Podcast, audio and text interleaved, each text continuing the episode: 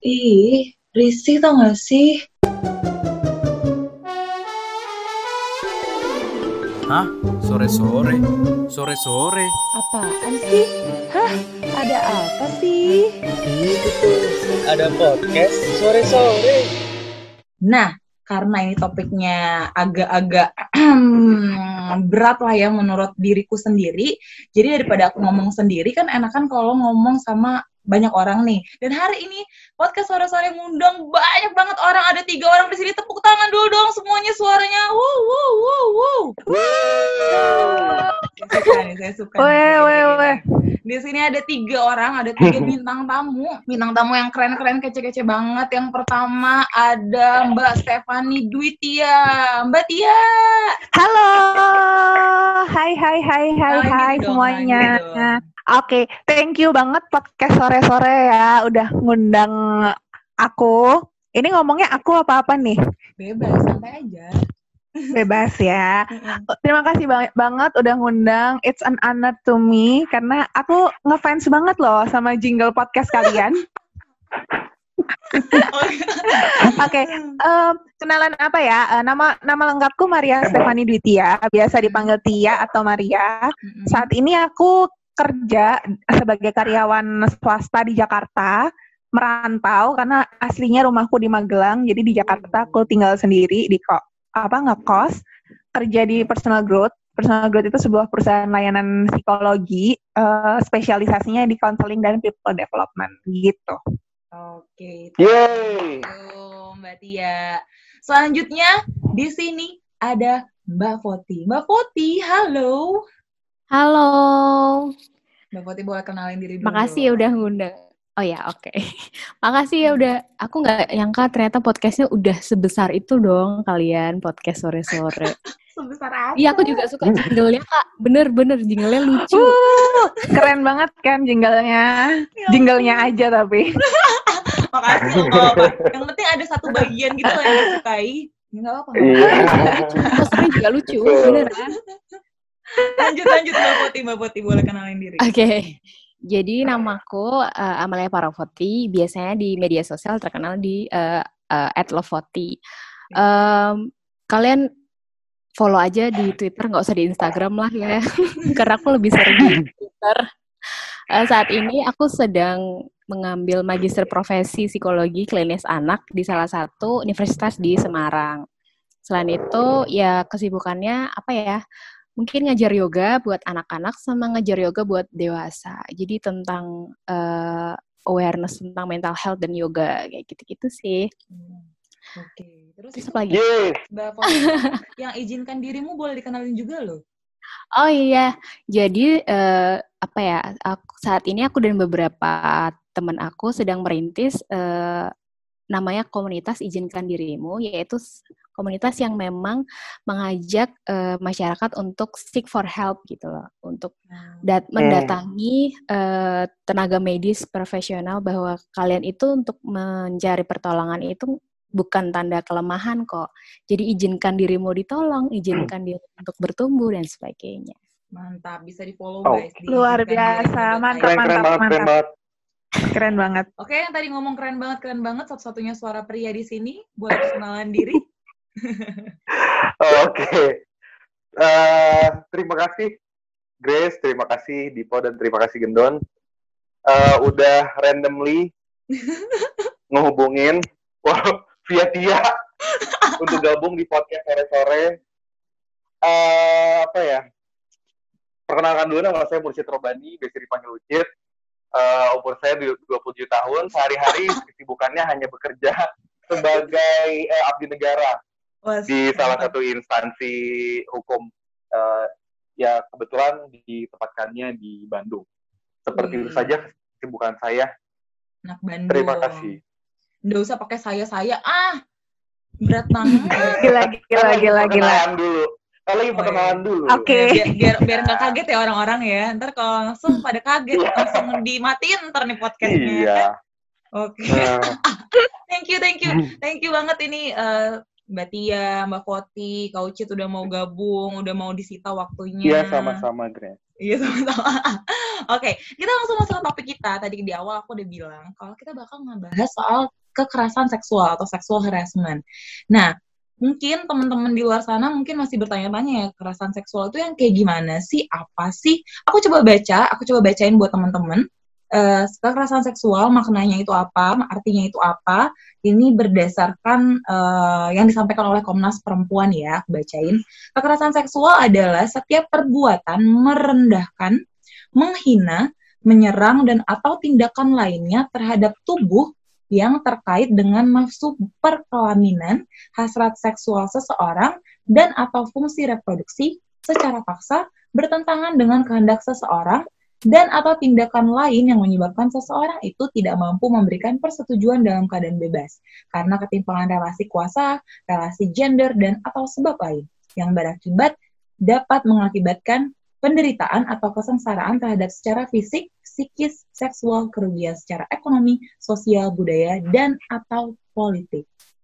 Nah, dan di sini juga Komnas Perempuan itu menyebutkan ada 15 bentuk kekerasan seksual. Ada pemaksaan perkawinan, kontrol seksual, pemaksaan aborsi, prostitusi paksa, pemaksaan kontrasepsi, praktik tradisi seperti sunat perempuan, pemaksaan kehamilan, perkosaan, penyiksaan seksual, penghukuman bernuansa seksual, intimidasi seksual, perbudakan seksual, eksploitasi seksual, dan juga pelecehan seksual. Nah, kalau pelecehan seksual pasti sering denger ya, pelecehan seksual. Di sini pada sering denger nggak semuanya, Mbak-mbak, Kak? Iya dong, sering banget, sering banget. Ya. Pelecehan seksual itu yang paling sering terjadi juga sih kalau kalau kalau yang aku sadari. Nah, kalau pelecehan seksual itu sebenarnya ini masih menurut si Komnas Perempuan ya, pelecehan seksual itu adalah tindakan seksual lewat sentuhan fisik maupun non fisik dengan sasaran organ seksual atau seksualitas korban.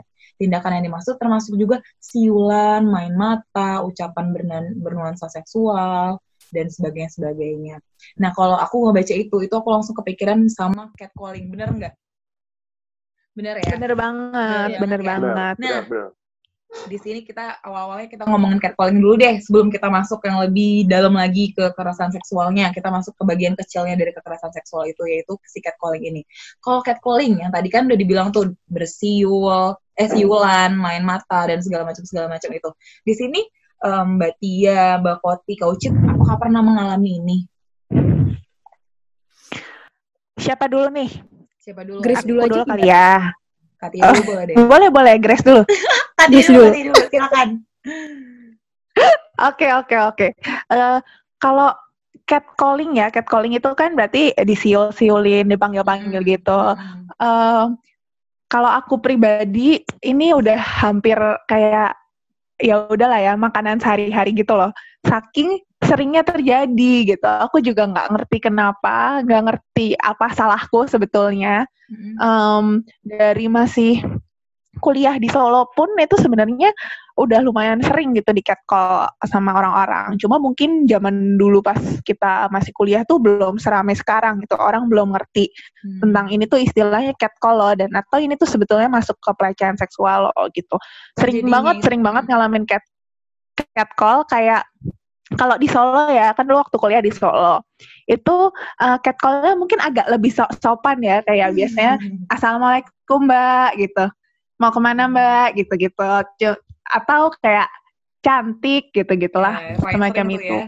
Iya itu paling sering banget. Nah kalau di Jakarta mm, eh, nggak mm, pakai assalamualaikum biasanya ya, biasanya lebih ke sweet sweet, lebih ke sweet sweet, lebih ke sweet sweet cewek. Ikut yuk ada yang kayak gitu-gitu wah itu oh. anjir itu kesel banget sih ada yang suka naik motor lewat terus kayak iya, ke mana iya. nih non gitu. Parah parah. Itu itu itu ngeselin banget. Serem banget itu sih kalau yang udah itu paling gitu. ngeselin. Mm-mm. itu paling ngeselin banget sih yang kayak gitu tuh. Bener, bener, gimana bener, gimana? kalau Voti Grace atau Ucit ada pengalaman apa nih? Aku bener sih kak. Mungkin karena uh, waktu aku SMA ya SMA kan di Semarang ya. Mm-hmm. Semarang mungkin kota yeah. besar juga itu cara catcallnya juga persis gitu jadi waktu itu aku cuma nyebrang dari jadi kan SM aku tuh posisinya uh, di jalan yang gede gitu di jalan pemuda uh, aku nyebrang buat ke ke waktu itu les GO, you know, zaman SMA ya. Iya, iya, iya. Juga les Jadi posisinya, iya posisinya posisinya tuh cuman se- seberang doang G, les tempat les sama SMA aku tuh cuma seberangan doang gitu. Hmm. Nah, waktu nyebrang itu sepanjang aku nyebrang itu diikutin sama eh, bapak-bapak naik motor. Ampun. Dan di mana aku tuh sendirian. Diikutin. terus dia tuh kayak iya diikutin. Aku tuh nggak sadar kalau itu diikutin. Terus kayak di di digitu-gituin. Hmm. Terus di eh, apa ya? Dia tuh kayak manggil-manggil, ngode-ngode manggil, terus sampai menjulurkan lidah gitu-gitu dan sebagainya. Aku tuh kayak ini orang kenapa sih? Aku Ih. cuma sekedar itu Oh doang. my God. sampai Oh my Iya. god, jijik banget, Iya. jijik banget, jijik banget. sih. Dan waktu SMA kan kita nggak nggak tahu ya kalau ini namanya Iya. adalah iya benar. sexual harassment. Aku Iya hanya benar-benar. orang iseng, ih ngapain sih orang iseng gitu doang, gitu Hmm. doang. Dan habis itu ya udah berlewat dan untungnya tidak sampai menimbulkan traumatis tersendiri ya. Jadi aku Hmm. juga, tapi ada juga yang memang sampai eh, meninggalkan bekas traumatic event juga ada dan dan nggak gampang gitu untuk untuk bisa berdealing dengan isu ini sebenarnya. betul. Tapi mungkin ada ada Oke. mungkin cerita lain dari Kak Ucit coba. Bocit silakan. Eh, wow, dengernya agak serem juga ya. Kalau kalau gue jujur, mungkin karena seharusnya sih memang seksual harassment itu tidak memandang gender juga ya. Betul. Eh, banyak orang eh, cowok juga pernah mengalami seksual harassment gitu. Mm-mm. Cuma mungkin bentuknya berbeda ya. Kalau gue pribadi sih catcalling belum pernah ya. Apa mungkin gue sendiri lupa atau gimana. Tapi jujur sebenarnya gue sebagai laki-laki pengen gitu sesekali mendapatkan eh, eh, apa bentuk-bentuk seksual harassment bukan pengen ya. Maksudnya gue pengen jadi first person yang benar-benar merasakan gimana sih perasaannya Iya, eh, oh iya, gini iya. ternyata yang banyak dirasakan oleh eh, paling banyak memang yang merasakan dan speak up itu eh, cewek ya Mm-mm. walaupun gue pernah lihat juga di twitter itu cowok juga eh, ada Mengalami, dan eh, dan ternyata bentuknya juga nggak kalah parah kayak gitu entah di sweet sweetin juga entah di eh, ini bahasanya bo- boleh agak sedikit eh, kebekasi bekasian nggak Boleh dong. boleh boleh boleh. Boleh, boleh Oh, dong. iya. Nggak, Boleh, kayak boleh. eh, grepe-grepe gitu kan Mm-mm. terus kayak misalnya di kode-kodein kalau gue sendiri belum pernah gitu Hmm. cuman gue pernah dengar cerita waktu itu dari teman kantor gue eh, dulu gue kerja di Jakarta nah eh, teman kantor gue ini umurnya udah lumayan eh, lebih eh, lebih dewasa daripada gue udah 35 kalau nggak salah ya dia laki-laki Hmm. itu dia eh, sering pulang malam juga gitu kan dari kantor segala macam nah once dia pulang naik busway gitu kan jam Hmm. 9 atau jam 10 malam gitu nah di perjalanan katanya dia cuman ada dia sama sama satu orang cewek yang Oke. umurnya nggak jauh beda dengan dia lah gitu sekitar Hmm. tiga enam tiga tujuh gitu terus eh, di busway di Transjakarta yang sepi itu si cewek itu memutuskan untuk duduk di samping teman gue ini gitu.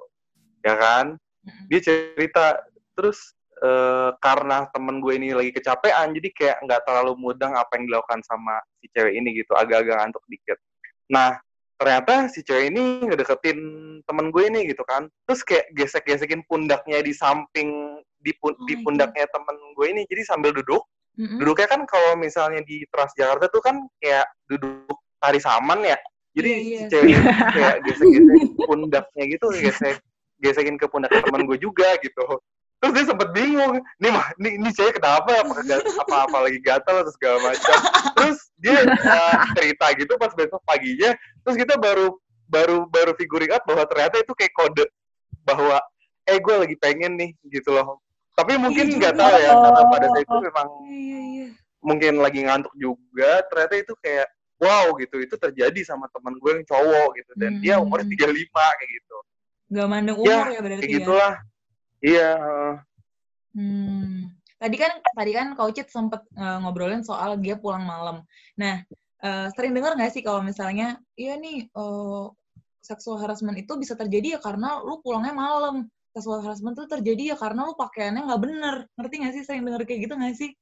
Iya, iya, Nah, iya iya. banget, iya banget. Padahal, Banget, padahal banget, ya, banget. padahal ada penelitian yang darinya dari change.org itu dia meneliti terhadap 470-an responden kayak gitu, uh, di mana itu tuh sebenarnya ketika seksual harassment yang terjadi itu lebih banyak terjadinya itu padahal di pagi atau siang hari. Dan Hmm. uh, 18% itu mereka pakai celana rok panjang, 19% itu dia pakai uh, jilbab, 16% itu bajunya panjang, 14% bahkan pakai seragam sekolah gitu. Uh, dan itu udah membuktikan bahwa ya yang orang bilang bahwa baju lu tuh yang salah, lu sih pulang malam. Sering denger ya pasti kan kayak gitu kayak gitu. Yes. Iya banget, iya Iya, banget. iya, ah. Itu itu sempat ramai kan di Twitter Iya, beberapa iya, waktu iya. lalu ya. Iya, Maksudnya iya, bener. gue sempat sempat lihat tuh si infografis tentang pakaian-pakaian dan presentasenya itu. Mm-mm. Kayak Iya, gitu aja udah cukup udah cukup jelas, tapi orang-orang tuh masih aja banyak yang tetap dengan bodohnya tetap nyalahin gitu. Ya elunya aja kali yang ngundang gara-gara baju lo kebuka-kebuka sengaja ya gitu-gitu. Mulutnya Iya. ya pada minta disekolahin. Betul. Bukan mulutnya, Bu, jarinya. oh iya Oh iya benar. jarinya, oh iya benar. Benar jarinya jarinya. Iya, iya. Tapi ya nyambung nyambung itu Boleh. nyambung itu Grace eh, bener banget kan aku eh, pas pertama-tama mulai kerja di Jakarta em, itu tinggal di daerah Kelapa Gading tahu kan Kelapa Gading itu ada di Jakarta Mhm. coret ya Jakarta sebelah uh, ujung sana dan kantorku di Jakarta Barat di ujung Jakarta satunya Oh. jadi eh, dulu aku setiap malam harus pulang bolak-balik kerja itu PP naik Transjakarta dan jauh banget kan itu. Jadi setiap nyampe daerah Kelapa Gading pulang itu tuh udah pasti udah lewat jam 9 ke atas. Apalagi masih baru-baru kerja tuh lagi eh, chaos-chaosnya kan. Nah, Hmm. itu emang em, itu juga menjadi malam-malam panjang di mana aku selalu ngerasa takut banget untuk jalan kaki nyebrangin jembatan Transjakarta. Jadi di Karena? depan di daerah Kelapa Gading situ haltenya itu gelap banget, nggak tahu kenapa nggak ada lampunya sama sekali dan nggak ada CCTV-nya sama sekali. Awal-awal aku setiap lewat situ sering banget ada cowok yang modelnya creepy-creepy. Ini aku Hmm. nggak ngerti sih sebenarnya mereka tuh pedagang kah atau siapa tapi mereka selalu nongkrong di lorong-lorong lorong-lorong jembatannya itu yang gelap itu. Kan ngeri banget ya. Setiap Iya. lewat tuh selalu digodain, selalu digodain. Em, itu juga maksudku eh, kalau orang bilang karena pakaian atau karena apa, orang jelas-jelas aku tuh setiap pergi, setiap keluar tuh aku selalu pakai jaket gitu. Aku selalu pakai jaket panjang, selalu pakai celana panjang atau at least roknya pun di bawah lutut gitu. Jadi kayak Hmm. apa gitu yang kalian pikir gitu itu orang-orang yang berani ngomong kayak nyala-nyalain baju tuh emang ya mereka aja yang nggak bisa ngontrol hawa nafsunya sendiri Iya, iya. karena ngeri banget ya emang ngeri banget Mm-mm. Mm-mm. Kalau kalau kalau aku aku boleh cerita nggak sih? Aku aku cerita boleh juga ya. boleh boleh iya iya Grace kan juga pejuang-pejuang Transjakarta KRL nih Yes. Nah, aku mau ceritain. Aku tuh adalah salah satu eh, orang yang nggak mau naik KRL yang gerbong campuran. Tanya dong, alasannya kenapa Grace gitu dong? alasannya Alasannya kenapa kenapa, Grace Grace? jadi, jadi Kayaknya ceritanya. emang Grace udah profesional ya, udah kayak pengen ada dialog yang timbal balik gitu loh. Jangan gitu dong, jadi gugup nih. Eh serius ini belum pernah bawain bawain ininya banget. Jangan bikin gugup ah. Jadi ceritanya, ya, gue tuh waktu waktu SMA. itu iya iya gimana gimana jadi SMA tuh naik naiknya naik angkot naik angkot nih terus di angkot itu kan kalau duduk kan dempet dempetan ya cewek cowok ya. Maksudnya tidak memandang gender kan. Nggak ada gerbong wanita gerbong gerbong campur kan kalau angkot kagak pakai gerbong. Terus duduk nih duduk. Waktu itu masih SMA masih pakai rok SMA baju SMA ya gimana bisa seksi sih baju SMA gitu kan. Duduk nih duduk rapi-rapi. Di sebelah di sebelah gue tuh ada bapak-bapak. Tiba-tiba tangannya tuh kayak masuk kayak jadi kayak angkot tuh kan kadang-kadang berhenti berhenti gitu kan nyik nyik gitu kan. Nah asal sekali nyik dia tuh tangannya Mhm. tangannya merembet gitu loh ke rok aku. Zip gitu. Oke. Eh, ngerem lagi tangannya ngerembet lagi. Iya bener itu bener-bener bikin bikin bikin aku tuh sampai kayak serem banget. pulang-pulang tuh nangis bener-bener bener-bener bener-bener aku nggak mau naik angkot lagi tapi ya gimana lagi kalau nggak naik angkot naik apa gitu kan? Tapi semenjak itu naik angkotnya eh, aku pindah duduk di depan di sebelah abangnya. Kadang pun aku takut sama abangnya. Kan kadang itunya apa tuh namanya? Ini apa namanya ini? Ini loh. Apa yang kalau misalnya dia mau masukin gigi itu pakai apa? Persnelingnya. yes persneling Kenapa? Persneling. Nah. Kenal pot lagi gue mau bilang. persnelingnya kan kadang eh, agak-agak mepet-mepet ke si penumpang kan ya itu kadang juga aku tuh ngerasa risih dan itu membuat aku sampai sekarang nggak mau naik gerbong campuran aku nggak mau dempet-dempetan sama cowok Oh, wow. Iya, jadi Hmm. nggak Iya. nyaman gitu loh dan buat aku was-was. Meskipun sebenarnya mungkin orang-orang di sekitarku tidak ada yang berpikir seperti itu, tapi aku jadi ngerasa kayak, aduh nih orang jangan-jangan mau gini gitu. Jadi kayak kadang kalau lagi dempet-dempetan tuh ngerasanya ngerasa berpikir negatif gitu ke semua orang gitu. Hmm. serem banget ya. Iya sih, aku juga jadi inget banget sih waktu Hmm. ternyata sebelum SMA itu aku juga pernah waktu SD, di mana Oh. kayak itu kayak baju-baju SD. Aku SD-nya kan Islamiyah ya, yang Hmm. yayasan Muslim yang memang Hmm. berjilbab. Dan eh, waktu itu kan memang aku pulangnya eh, pakai apa namanya, yang kalau misalnya kita naik naik angkutan tapi yang dari sekolahan apaan? Bis jemputan. namanya iya bis jemputan itu. Nah itu tuh kadang kan eh, aku nggak dapat di duduk kursi di bagian belakang karena udah penuh. Nah aku duduk terpaksa duduk di depan di sebelahnya supirnya dong. Dan itu tuh kayak aku selalu di entah kenapa kayak aku selalu ditaruh di akhir gitu loh kayak dianterinnya tuh padahal sebenarnya rumahku bisa bisa aja jalurnya itu aku diduluin Waduh. Wow. terus Dia sebenarnya nggak? enggak enggak sih cuman kayak eh, cuman kayak hold my hand aja sih kayak tapi dengan pandangan-pandangan yang nggak nyaman dan aku waktu itu nggak tahu kalau itu sebenarnya sudah termasuk kegiatan yang seksual. sexual harassment Iya. juga. Nah, Betul. jadi pakai ya ampun kayak udah pakai jilbab terus waktu SMA itu pakainya bener-bener rok yang panjang, panjang bener panjang. Terus i- ngapain gitu? Mereka ngeliat apanya gitu loh sampai kepikiran untuk uh, desire dengan orang yang memang dia kita tuh udah pakai baju yang aman-aman aja gitu. Berarti kan memang dari pikirannya gitu, bukan Iya, dari bajunya kan? Iya sih. Em, pasti dari pikiran dari orangnya nggak sih? Tapi sekarang ini kan maksudnya kalau ngeliat kayak gitu orang-orang kan sekarang malah nyalahin korban di mana-mana nyalahin korban. Semua nyalahin korban. Bahkan ada kasus-kasus Hmm. yang eh, korbannya malah yang masuk penjara. Ya nggak sih? Ada kan yang Mm-mm. kasusnya kayak gitu aku lupa deh itu kasusnya karena apa tapi karena alasan itu yang yang pegawainya dia lapor uh, tentang atasannya yang dia flirting gitu kalau nggak salah direkam terus dia kena pasal uh, penyebaran nama baik kalau nggak salah UIT itu. wah, Iya, gila. ah, ah, ah, itu. Gila, Gila gila, gila, itu, gila. sumpah. yang menang bos Iya, apalagi yang apa? Kalau nggak salah kasus Agni yang di UGM itu ya. Eh, gue nggak tahu sih ini ada Iya, ini iya, harus iya, disebutin atau enggak. Kalau misalnya nggak boleh ini disensor aja, Chris. Iya, enggak apa-apa, enggak apa-apa. Tapi kan maksudnya kan lagi kayak kasus seksual harassment di lingkungan pendidikan, di lingkungan anak akademis kan lagi kayak Yes. naik banget gitu kan. Mm. Dan nggak tahu kenapa eh mungkin intensinya gitu. Tujuannya memang untuk kayak menutupi agar tidak ada citra buruk gitu dari eh, institusi itu sendiri. Tapi kan ya maksudnya hal-hal seperti itu akan terus terjadi ketika memang apa ya akan terus dimaklumi gitu loh. Kalau misalnya eh, orang speak up aja malah di istilahnya Iya, malah di eh, ya ya. iya heeh, kayak gitu. Malah di iya kan? suruh diam lah atau gimana lah. Bilangnya Iya, untuk biar nggak malu-maluin. Iya benar. Itu normalize sih sebenarnya yang bikin yes.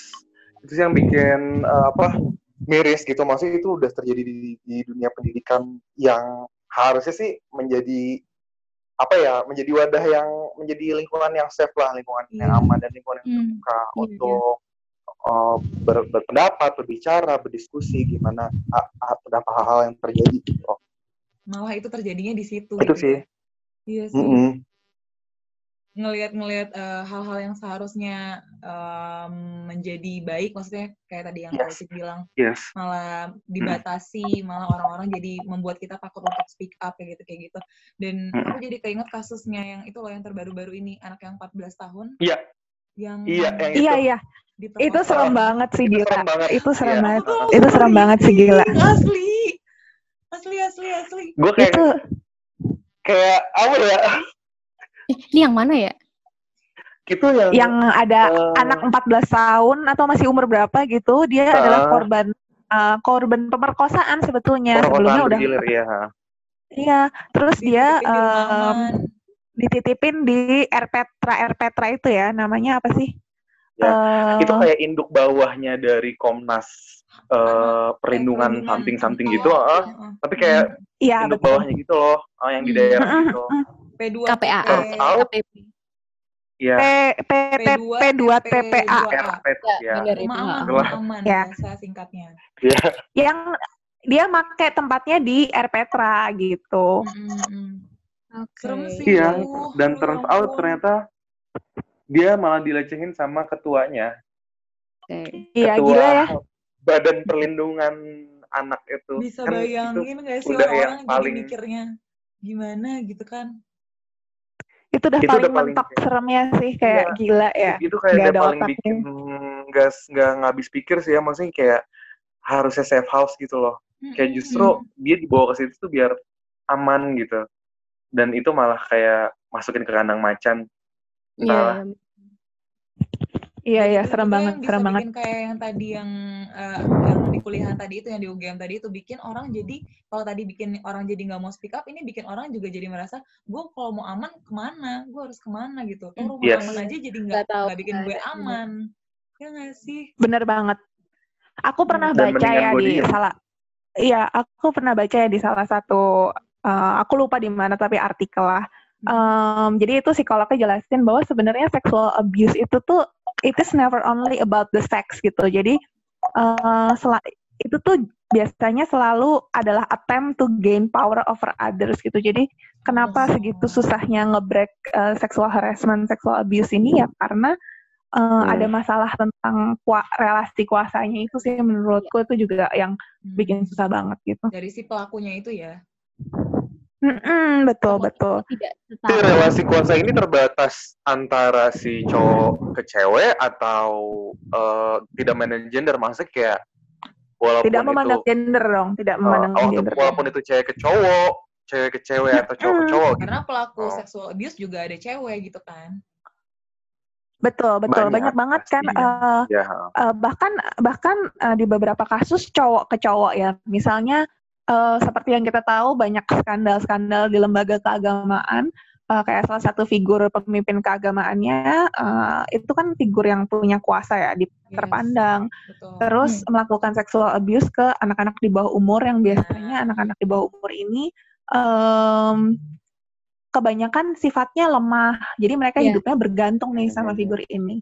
Salah satu yang di reveal dan dengan eh, plot cerita yang luar biasa keren tuh kayak yang dibahas di film Spotlight. Tahu nggak? Udah pernah nonton belum? belum belum apa spotlight Belum. Spot Iya apa? ya. Spotlight. Itu itu ya itu keren banget. Itu diangkat dari kisah nyata eh, tentang jurnalis yang ngebongkar tentang eh, pelecehan seksual di eh, suatu gereja gitu, di Wow. pastor-pastor Oh, iya, gitu iya. Lah. Eh, Iya, iya. eh, kayaknya pernah nonton deh. Bentar, bentar, bentar. Iya, ya itu keren banget itu dari kisah nyata. Catat, Dan- catat. Kita dan itu banyak- ini, guys. Banyak Iya, dan itu banyak terjadi di Indonesia juga kan gitu. Iya, iya. Eh, Tuh, di itu banyak ada dokumenternya kok kayak satu bulan yang lalu kalau nggak salah ada dokumenternya di YouTube ya ada satu orang yang speak up Mm-mm.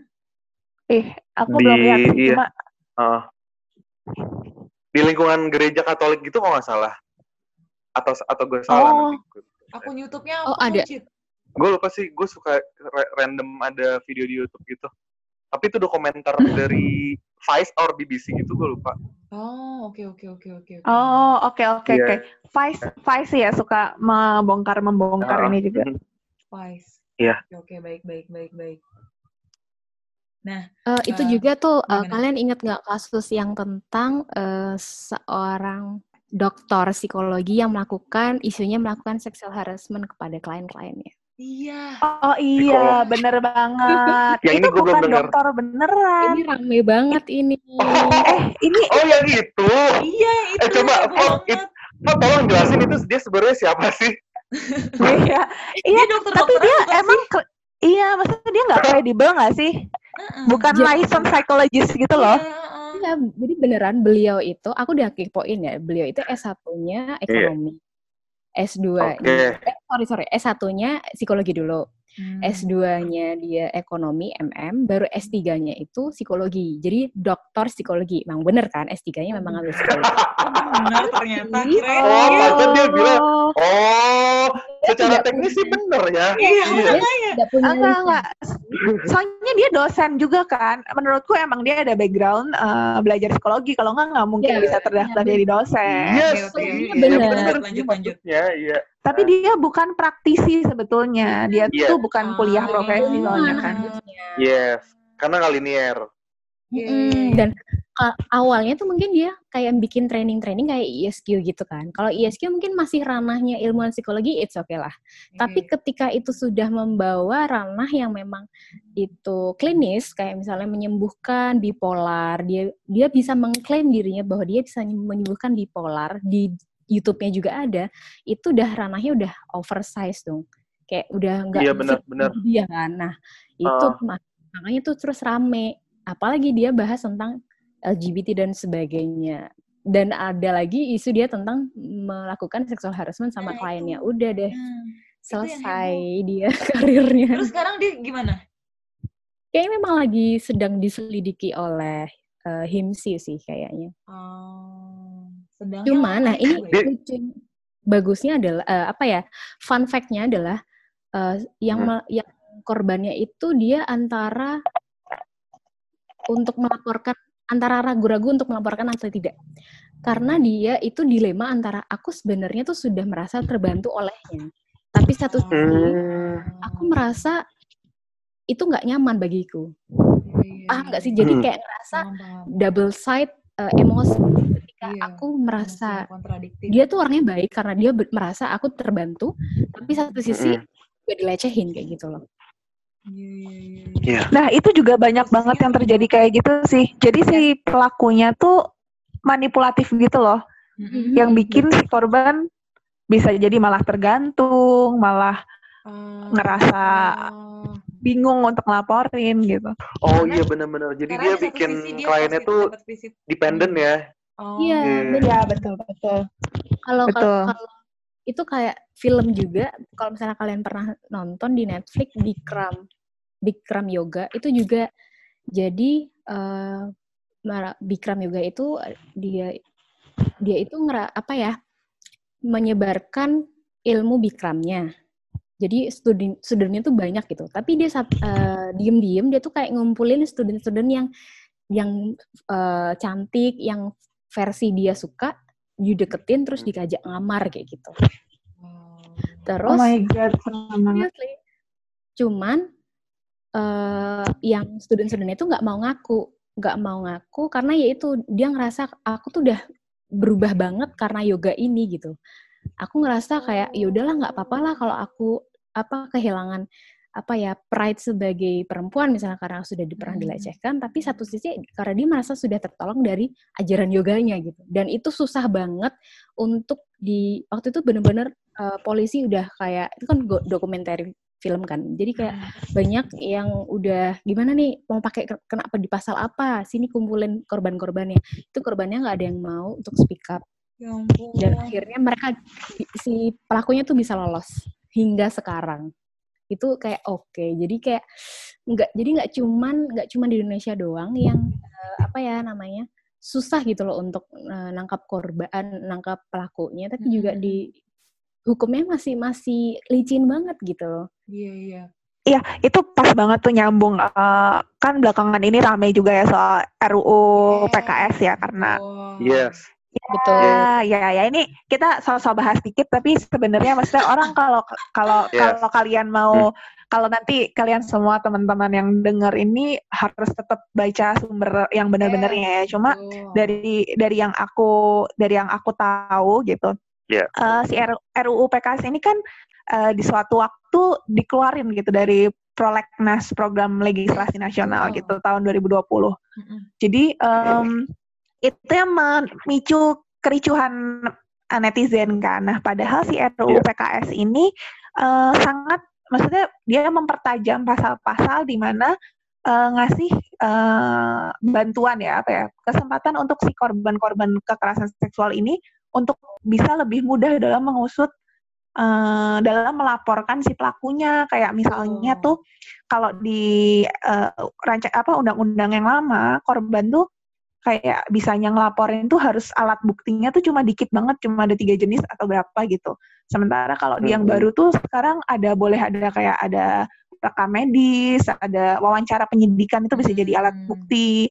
Keterangan si korbannya sendiri itu bisa jadi alat bukti. Itu kan sangat membantu banget kan sebenarnya Korban karena ya. eh iya karena karena sebelum sebelumnya tuh yang kayak tadi Foti bilang gitu orang eh, korban tuh udah ngerasa malu eh, terus bingung karena biasanya pelakunya lebih manipulatif dan Yes. punya kuasa atas dirinya.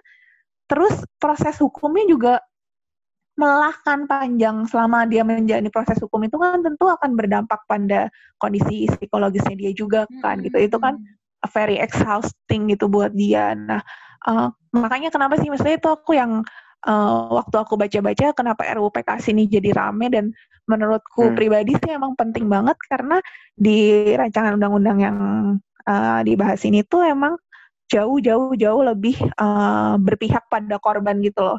Gak cuma Hmm. ngejar pelaku doang, tapi berpihak Hmm. pada korban. Termasuk Betul. ada kayak harus nyediain pendamping untuk korban selama proses peradilan kayak gitu-gitu. Hmm, betul. Tapi denger-denger itu diturunin dari prolegnas karena ya bahkan yang bahas aja katanya tidak mampu, katanya terlalu sulit atau segala macam Iya, segala macamnya gitu kan. Karena alasan, itu. alasan, alasan. definisinya lah Gini di satu ini, di satu sisi di satu ini. sisi itu memang tidak tidak tidak menampik ya bahwa itu hanya salah satu alasan dari mereka gitu untuk Hmm. kayak aduh ini ARU apa sih kayak gitu. Cuman kalau kita pikirin lagi, sekarang kita mau gimana ya? Yang ngebahas pun sebenarnya belum tentu punya pikiran yang sama dan punya kapabilitas untuk uh, membahas ini juga gitu loh. Itu itu itu yang sebenarnya jadi harus jadi concern uh, teman-teman yang mengusulkan uh, RUU ini gitu loh ke DPR untuk dibahas gitu. Gimana caranya agar RUU ini bisa beneran dibahas tapi gimana ya mungkin ada kayak perwakilan atau ada pendampingan dari yang benar-benar paham karena karena ya gimana mau ngebahas kalau memang mereka beneran nggak ngerti kan Iya, paham tapi seharusnya sih Kayak, paham paham. Mereka Paham. di luar Iya. kapabilitas mereka gitu kan iya ya. heeh. kayak kalau nggak ada Harusnya ilmunya sih- kayak apa yang mau dibahas gitu nggak sih Harusnya Tapi sih gitu, setauku gimana? bisa ngundang ahli ya, maksudnya bisa ngundang ahli untuk Saksi ahli. jadi iya maksudnya kayak uh, gitu lah, Tapi pembahasnya selama gitu. ini memang nggak ada ya ahli-ahlinya kayak gitu di sidang-sidang Iya. sebelumnya. Kurang tahu, kurang tahu aku, kurang Oh. tahu. Ah, aku. iya itu dia makanya makanya itu jadi tanda tanya kok bisa bisanya dia bilang bahwa ini kita turunkan karena kita kita merasa itu terlalu sulit loh Iya, memang iya. selama ini tidak ada eh, eh, bagian dari ahlinya atau atau gimana sih caranya untuk mekanisme mereka untuk mendiskusikan RUU itu gitu kan Mm, mm, mm, mm. waktu Iya. DPR membahas RUU kesehatan jiwa yang udah diusung dari 10 tahun yang lalu kan akhirnya kan eh, bi- bisa, bisa gol eh, sekitar beberapa tahun kemarin kan itu kan terus ada pendampingan ya dari profesional dari Oh. dari Kemenkes dari bagian psikologi Hmm. psikiatri kayak gitu nah makanya ini jadi Harusnya satu tanda tanya sih dong. maksudnya. Iya, apakah pendampingan itu harus dari eh, lingkungan yang eh, pemerintahan juga, gitu, seperti Kemenkes, atau kan ini kan bebas, ya, atau nggak harusnya tetap boleh dong kalau misalnya dari kayak misalnya yayasan apa gitu. Iya, iya, iya. Dan iya. dari sisi yang berbeda, ternyata ada satu aliansi, gue pernah baca ada satu aliansi cinta keluarga, nggak salah namanya ya, Mm-mm. aliansi cinta keluarga pokoknya uh, itu isinya ibu-ibu yang kemudian secara uh, berkesinambungan menggugat uh, RUU tersebut ke Mahkamah Konstitusi gitu loh. Oke. Jadi kayak terus uh, jadi kayak mungkin merontokkan juga uh, dan apa dan ikut terus um, istilahnya apa ya kalau dari kalau dari sisi yang lainnya adalah kayak melemahkan kayak melemahkan uh, un- RU ini untuk bakalan berdiri nantinya kayak gitu loh. Oh, termasuk di, dalamnya iya termasuk di dalamnya dia itu uh, uji materi ke Mahkamah Konstitusi untuk RUU pornografi kalau nggak salah. Terus Hmm. RUU pelecehan pemerkosaan segala macam RUU apa ya kayak istilahnya perzinahan Mm-mm. eh ba- banyak lah masa RUU yang ternyata eh, di eh, diminta uji materi sama yayasan ini kayak Hmm. gitu dan ternyata baru baru ramai akhir-akhir ini kayak gitu karena dia Iya. mereka bergeraknya nggak diketahui tapi memang ya walaupun itu tidak salah karena kan mereka Iya, melalui jalur eh, konstitusi ya Betul. kalau memang misalnya ada pihak yang merasa dirugikan kan tinggal uji materi ulang gitu kan dari Betul. pihak eh, yang berlawanan Betul. seperti itu caranya udah benar. ya Kak. itu dia caranya udah benar sebenarnya nggak ada yang Hmm. salah cuman mungkin ada ada yang merasa eh, dirugikan karena Yes. kesannya memang katanya sih kesannya itu akan melemahkan RUU majunya PKS. RUU PKS ini Mm, Iya mm, mm, gitu sih Betul. Nah selain itu pun sebenarnya kalau misalnya kita lihat-lihat di Twitter lah katakanlah seperti itu, aku tuh sering banget ngelihat orang yang kontra sama si RUU PKS ini gitu loh. Selain banyak yang pakai hashtag eh, sahkan RUU PKS, tapi banyak juga yang eh, kontra gitu sama si RUU PKS ini, Eh, yang bilang bahwa eh, RUU PKS tuh terlalu melegalkan LGBT. Pernah baca nggak sih orang-orang yang komen kayak gitu? Yang terlalu liberal, terlalu iya. Oh my god, Iya, aneh iya, banget, aneh banget, aneh banget. Itu tuh Aku yang pernah bacanya tuh yang tentang aborsi. Jadi eh, mereka nuduhnya kalau RUU PKS ini eh, seakan melegalkan aborsi gitu. Terus Hmm. aku sampai nyari tuh tulisan tulisan pasalnya kan karena Hmm. kesel kan kesel Iya, sendiri. Jadi iya, kalau iya, lihat iya. Twitter lagi rame tuh suka Hmm. emosi rasanya. Karena orang asal ngomong tapi Nggak kan? maksudnya dia belum benar-benar belum benar-benar baca isinya. Jadi nih aku aku ingat banget sampean Hmm. karena justru eh, di pasal RUU PKS ini dia kayak nambahin ada 9 jenis kekerasan seksual yang baru gitu yang Oke. sebelumnya belum terdefinisikan dengan baik ya di sebelumnya. Nah, salah satunya itu termasuk eh, sat- salah satu jenis kekerasan seksualnya yang ada di RUU PKS sekarang ini adalah tentang pemaksaan aborsi. Jadi Hmm. dengan adanya pasal ini, kalau misalnya korban pemerkosaan sampai hamil dan dipaksa untuk aborsi, bahkan aborsinya dilakukan secara non medis oleh bisa let's say orang tuanya atau si pelaku pemerkosaannya, kan itu sangat mungkin ya, apalagi di. Iya. eh, konteks-konteks keluarga, maksudnya pelakunya keluarganya sendiri atau siapanya gitu. Hmm. Nah, pasal ini tuh mengatur itu supaya orangnya bisa dihukum kalau sampai orang itu melak- melakukan pemaksaan aborsi ke korban pemerkosaan gitu. Jadi bukan bukan artinya nggak pro life atau gimana Hmm. gitu ya melegalkan aborsi, tapi maksudnya orang tuh Indonesia itu kebanyakan nggak bisa menyerap inti dari bacaan gitu loh. Kal- Kalau nggak ya emang nggak mau baca aja gitu. Hmm. Kalau UU tentang aborsi kan diatur di UU kesehatan gitu loh, Iya, udah jelas aborsi itu dilarang. Iya. Mm-mm. Kecuali untuk alasan kesehatan atau memang Hmm. korban pemerkosaan gitu. Itu udah jelas banget kan sebenarnya. Cuma orang aja yang suka ngaco. Emosi, emosi. lebih miris kalau ada berita eh, orang tuanya nyuruh anaknya nikah sama pemerkosanya Oh Nah, ya tuh. Oh my asli. Iya, oh iya banget. Sumpah. itu Oh my god, itu kesel banget sih, kesel banget sih. Gila, Oke, oke, gila oke. itu gila. Oke oke oke, obrolan kita udah panjang banget nih. Panjang banget nih kayaknya udah lebih dari dua jam nih kayaknya obrolan kita. Dipotong kayak aja. nggak berasa banget enggak Eh, enggak enggak. Grace, tapi sebelum diakhiri, Gimana? sebelum diakhiri, aku eh, mau cerita satu pengalaman pribadiku. Ini menurutku pelecehan seksual paling parah yang pernah aku alami ya. Oke. Disimpan Oke. paling terakhir aja. Oke. Jadi aku pernah, jadi aku pernah pulang kerja eh, jalan kaki sendirian. Jadi eh, di kosanku yang lama itu kalau eh, mau masuk itu kayak ada jalan masuknya gitu loh, bukan di depan pinggir jalan raya. Tapi jalannya nggak kecil-kecil banget sebenarnya, jalan yang bisa dilalui dua mobil bahkan. Cuma emang nggak tahu kenapa jalan itu suka gelap tuh. Nah waktu itu aku jalan Hmm. pulang dari kantor, karena aku udah cukup lama di Jakarta ya waktu itu, maksudnya aku udah sekitar tiga tahun di Jakarta. Ini baru kejadian sekitar awal-awal tahun lalu. Terus aku tuh selalu hati-hati kalau jalan. Jadi aku kalau jalan itu selalu dari arah berlawanan dari kendaraan. Kendaraan. Paham nggak? Jadi kayak biar aku bisa lihat nih ada orang lain yang datang dari arah lain aku. Mm-mm. Itu aku udah jalan hati-hati. Tiba-tiba dong ada motor jalan pelan-pelan mepet ke aku terus and then he grab my boobs out Oh. of nowhere. kayak what the fuck Iya iya iya. iya. ken- kenceng banget dan dia bahkan nggak langsung kabur jadi dia jalan pelan-pelan eh, ngelewatin aku habis eh, kayak nge-grab my boobs terus dia lewat eh, sedikit terus dia sempat berhenti aku kaget banget gitu maksudku eh, ternyata ini yang dirasain korban-korban pelecehan seksual di mana pun pasti yang aku rasa. Karena em, aku sebagai orang yang belajar belajar psikologi ya maksudnya. Eh, terus teredukasi dengan baik juga tentang kekerasan seksual, pelecehan seksual, bahkan aku sering ngasih edukasi seks untuk anak-anak sekolah juga gitu.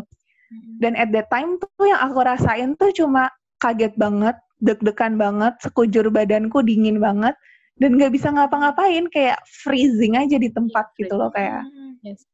freezing di tempat nggak bisa ngomong apa-apa gitu. Walaupun dalam otakku tuh aku udah sadar banget kayak ayo teriak ayo cepet teriak gitu. Cuma aku jadi nggak bisa teriak juga gitu. Sampai eh sempat aku nggak tahu itu berapa lama tapi kayaknya berasa lama banget.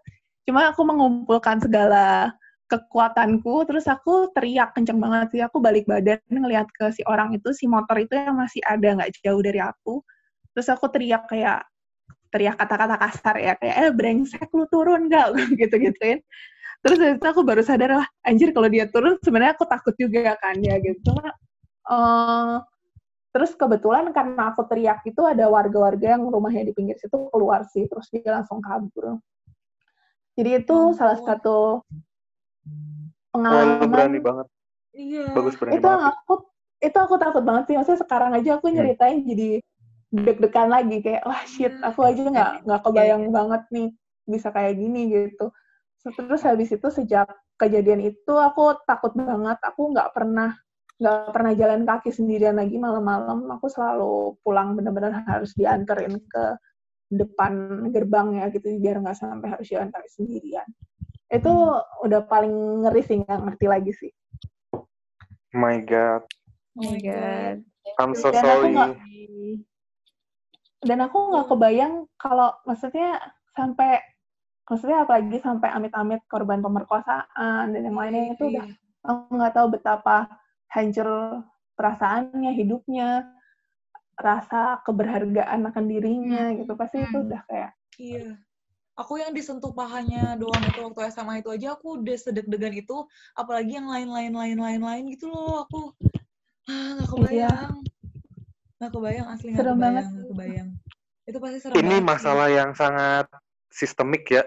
Maksudnya Mm-mm. kayak ya apa ya?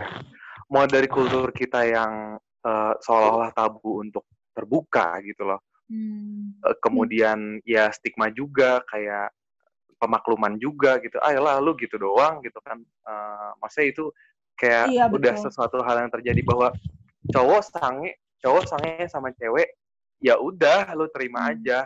Ya ya memang sih, cuman kan ya lu punya eh, akal sehat juga gitu loh. Iya. Eh, kalau iya misalnya bener banget kalau kalau misalnya lu sange, lu nafsu kan gak yang harus disalurkan saat itu dan detik itu juga gitu loh Hmm. maksud gue Eh, itu sih pembelaan-pembelaan yang sering di di di, di apa lempar Dijadikan gitu oleh eh, oleh pihak yang kontra seperti itu ya itulah sebenarnya. Makanya kita juga sebagai pihak yang cukup teredukasi di sini Hmm. gimana caranya kita kalau misalnya nanti misalnya nanti punya anak atau misalnya kita bisa ngasih tahu anak-anak kecil gimana caranya kita bukan cuma ngajarin eh, cewek atau cowok untuk berlindung untuk membela diri terhadap eh, pemerkosaan atau seksual harassment dengan bentuk lainnya tapi juga kita harus ngajarin mereka bahwa kalian jangan jadi pemerkosa atau pelaku seksual harassment juga gitu loh setuju. jadi kita Hmm. harus ngasih tahu mereka dari kecil juga bahwa mereka tuh nggak boleh jadi pelaku, pelaku itu gitu loh bener banget bener banget sisi Iya. Bener banget, bener banget. Eh, gue kebetulan di, bahkan gue kerja di kantor gue saat ini kan salah satu kerjaan gue sering ngisi kegiatan edukasi di sekolah-sekolah kan. Hmm. Salah satu yang eh, sering dikasih itu kan sebetulnya tentang edukasi seks. Oh, Eh, oke. Sejauh ini sih sekolah-sekolah swasta ya pasti. Aku belum pernah sih ngisi di sekolah negeri. Cuma eh, bag- bagusnya di Jakarta sih dari eh, sekarang ini aku ngerasanya sekolah-sekolah udah sangat concern ya. Jadi dari eh, seks edu tuh udah diberikan di dari kelas 4 gitu, dari kelas 4 SD dan um, kalau dari tempatku yang ngisi biasanya kita selalu um, membuat kelas itu tuh bersama-sama. Jadi di kelas itu tuh edukasi seksnya tuh bareng ada cewek, Hmm. ada cowok juga gitu. Tujuannya supaya itu supaya mereka saling menghargai gitu, ngerti Iya, kalau iya. ya udah ini tuh adalah uh, sesuatu yang berharga gitu. Diri kalian tuh sama-sama berharga. Posisinya uh, nggak ada yang lebih atau kurang gitu, dan bukan jadi bahan bercandaan juga gitu loh. Iya sih, benar-benar benar-benar benar. Iya sih. Gila ini, Gitu, eh, Grace, ini boleh dilanjutin sampai subuh nggak? Kayaknya gue lupa kalau Eh, lagi direkam belum ya. bahas lagi- seksual- lagi cerita di mesin aja. eh belum bah- belum bahas seksual harassment di tempat kerja tau. Nah, iya itu Iya. lagi. Eh, tapi jangan deh. Itu berbeda itu lagi. kebebasan. itu panjang banget ntar kita ini dimarahin Abdan nanti Abdan marah-marah ngeditnya Eh, susah. Ngeditnya susah ya. Baik, baik, baik. Part 1, part 2 lah kalau gitu. Ya udah final line aja. Eh, Oke oke oke. Nah gini nih karena udah dibilangin final line. Gini yang terakhir berarti aku mau nanya nih ke kakak-kakak semuanya.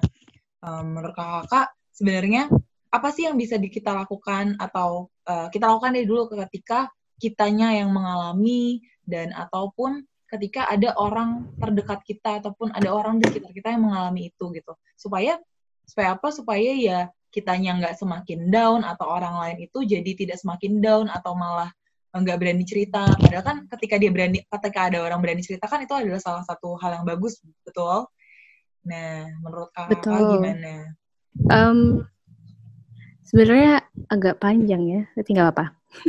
Aku singkat deh. Jadi kalau misalnya memang kalian menjadi salah satu eh, korban, sadari bahwa you are safe now, you are worth it, you are enough, dan itu sudah terjadi tadi atau yang lalu. Jadi jangan eh, usahakan untuk aware sama emosimu, sama aware sama pikiranmu bahwa itu sudah terjadi dan kamu sekarang safe dan kamu nggak kotor, kamu nggak kamu bukanlah apa yang ada di pikiranmu gitu. Kamu bukanlah apa yang mereka katakan kepadamu, kamu bukanlah stereotip apa yang mereka capkan kepadamu. Itu itu penting. Oke. Dan yang kedua adalah eh, mungkin Yes, kenali diri betul. dulu nggak sih? Kayak misalnya kan kita terbiasa untuk berbuat baik sama orang lain, tapi kita nggak pernah diajarin berbuat baik sama diri sendiri itu kayak gimana. yes itu ada Termasuk sih. kayak Iya. Mm-mm. Iya, mengenali mengenali otoritas tubuh kita sendiri. Ya, ya, ya. Bahwasanya kalau kita self care itu bukan hal yang egois, bahwasanya kita menyadari tubuh kita butuh apa, but kita misalnya eh, aku pengen istirahat, aku, pengen itu tuh sebenarnya nggak egois. kan. Termasuk juga kayak belajar sex education itu juga nggak egois. Kamu Iya. kamu me- menghargai otoritas tubuhmu, ap- kamu nyaman dengan pakai baju seperti ini, itu bukan hal yang egois gitu. Jadi eh, kenali dirimu termasuk eh, alat intimmu gitu kayak apa kebanyakan eh, tabu ya untuk ngomongin kayak eh, masturbasi bagi perempuan juga kan biasanya tabu. Sebenarnya it's okay gitu. Kayak itu normal dan itu kebutuhan setiap manusia. Jadi Mm-mm. just do it kalau misalnya kalian memang butuh itu. Dan mungkin secara kognitif mungkin kayak eh, ciptakan boundaries Mm. karena misalnya kita udah kenal sama tubuh sendiri, kita udah kenal sama diri sendiri, kayak untuk melakukan sesuatu itu kita jadi lebih mudah untuk aware. Oh, ini kayaknya udah lewat dari boundaries aku deh. Kayaknya aku harus alert ke dia. Kayak gitu. Jadi bisa bedain mana yang bisa ditoleransi, mana yang enggak gitu. Tapi kalau misalnya memang masih berlanjut, silahkan seek for help. Itu penting banget. Yes. Memang kalau memang sudah nggak nyaman, mengganggu eh, ke, ke aktivitas kalian sehari-hari, please seek for help. It's okay. Bukan kal- bukan artinya lemah, tapi itu adalah kekuatan. Gitu sih. Oke, nice. Ya, you. setuju. Mantap. Oke, Luar biasa, luar biasa. Iya, iya, iya. Yang lain. Ah, tambahin. Aku aku mau nambahin sih, aku mau nambahin. Kalau um, menurutku uh, kunci yang pertama uh, bagiku pribadi atau ketika aku dengar orang-orang terdekatku mengalami itu, uh, hal pertama yang bisa dilakukan benar kayak kata Foti tadi, biasanya paling penting tuh reassure yourself atau reassure your friends gitu kayak reassure tuh apa ya bahasa Indonesianya kayak yakinkan kembali Hmm. kalau it is never your fault gitu loh. Hmm. Jadi jadi korban seksual harassment itu kamu tuh nggak pernah salah itu pokoknya sama sekali bukan salahmu ingat itu. Pokoknya it- itu pertama pertama bang, banget itu yang harus diingat bahwa itu nggak pernah salah kamu gitu. Terus yang kedua ini adalah langkah-langkah logis yang bisa dilakukan. Menurutku yang kedua penting penting banget adalah educate yourself gitu. Kalau memang itu konteksnya di tempat kerja di sekolah atau di mana pun itu eh, baca cari referensi cari jurnal tentang eh, kekerasan seksual kalau bisa kamu dokumentasikan kejadiannya eh menurutku dengan kita semakin teredukasi kita semakin ngerti itu bikin kita lebih siap menghadapi apa pun gitu sih menurut aku.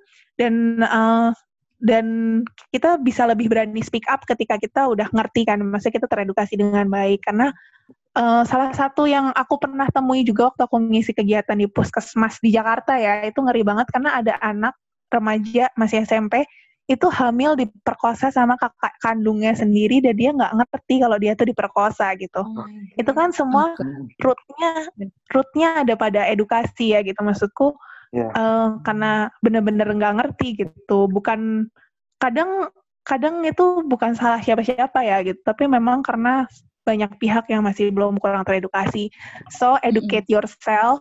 Eh, yakinkan diri kamu kalau kamu tuh nggak salah kamu tuh berharga diri kamu Eh, dan terakhir aku believe banget my body is my right gitu jadi Yes. apa pun itu perkataan orang, perlakuan orang itu doesn't define me. Aku berhak aku mau ngapain aja sama tubuhku. Aku berhak mau pakai baju seksi. Aku mau jalan malam-malam pakai rok mini harusnya juga nggak apa-apa gitu. Karena ya ini otoritas tubuhku gitu. Apa pun yang terjadi kalau sampai ada orang-orang yang melakukan seksual harassment itu adalah mereka yang otaknya penuh hawa nafsu doang dan hidupnya nggak berarti pasti. Hmm. Oke, Nice terakhir nih. Silahkan Eh, Bapak Mursyid. gue pengen kasih finish line dari perspektif yang satunya lagi ya. Oke. Kan tadi kan udah dari dua perspektif yang seolah-olah eh, untuk yang kalau korban gitu ya. gue mau ngasih tau aja untuk laki-laki dan perempuan yang horny di luar sana. Eh, please eh, keep educate yourself kayak gitu. Seek a partner, terserah dengan mau cara apa pun yang sesuai dengan nilai-nilai lo. Entah lo mau nikah cuma buat eh, apa biar seksual desire lo terpuaskan lah, it's okay itu pilihan lo. Kalau misalnya lo ngerasa itu buat melindungi diri lo sendiri. Kalau misalnya lo nggak mau nikah, ya udah lo cari partner yang sama-sama ada konsen, yang sama-sama sadar dan sama-sama butuh bahwa kalian ingin berhubungan seksual. Jangan hanya salah satu pihak saja kayak gitu ya. Yes. Kalau misalnya lo kagak mau pacaran, lo cari open BO-an di sana. Yes, betul. Jangan cari yang gratisan, Bung. Ya langsung aja bayar 2000 gitu kan. ya itu adalah Yes. hornimu adalah Betul banget. Yes. And please just don't be a stupid bitch rapist. Thank you. Wah. Gila, setuju banget. Setuju banget, eh, nafsu tuh adalah hak segala bangsa ya. Betul. Nafsu tuh adalah hak segala bangsa. Cuma Iya. ya dicerminkan dalam perilakunya yang berbeda gitu. Iya. Benar, benar, benar, banget, benar, benar, benar banget. Thank you banget, thank you banget di sini buat Katia, Kak Poti, Kak Uci. Terima kasih banget sudah Yes, mengganggu waktunya. terima kasih juga. Eh, podcast sore-sore gendeng Yes, sama Dipo terima juga. kasih banyak. you. Podcast chat nanti Aku suruh mereka bilang terima kasih langsung kepada kalian, oke? Terima kasih banget. Jangan Ya. jangan kapok Oke. lagi. Aku ajak ini ya. Ya, makasih juga buat Grace dia ngobrol-ngobrol Foti. lagi. Hmm. Mm-mm. Thank you, thank you, thank you. Oke. Buat Yes. teman-teman. Thank you Thank semuanya. you, thank you semuanya. Dadah, dadah, bye-bye. Bye-bye. Bisa lagi kapan-kapan ya. Bye.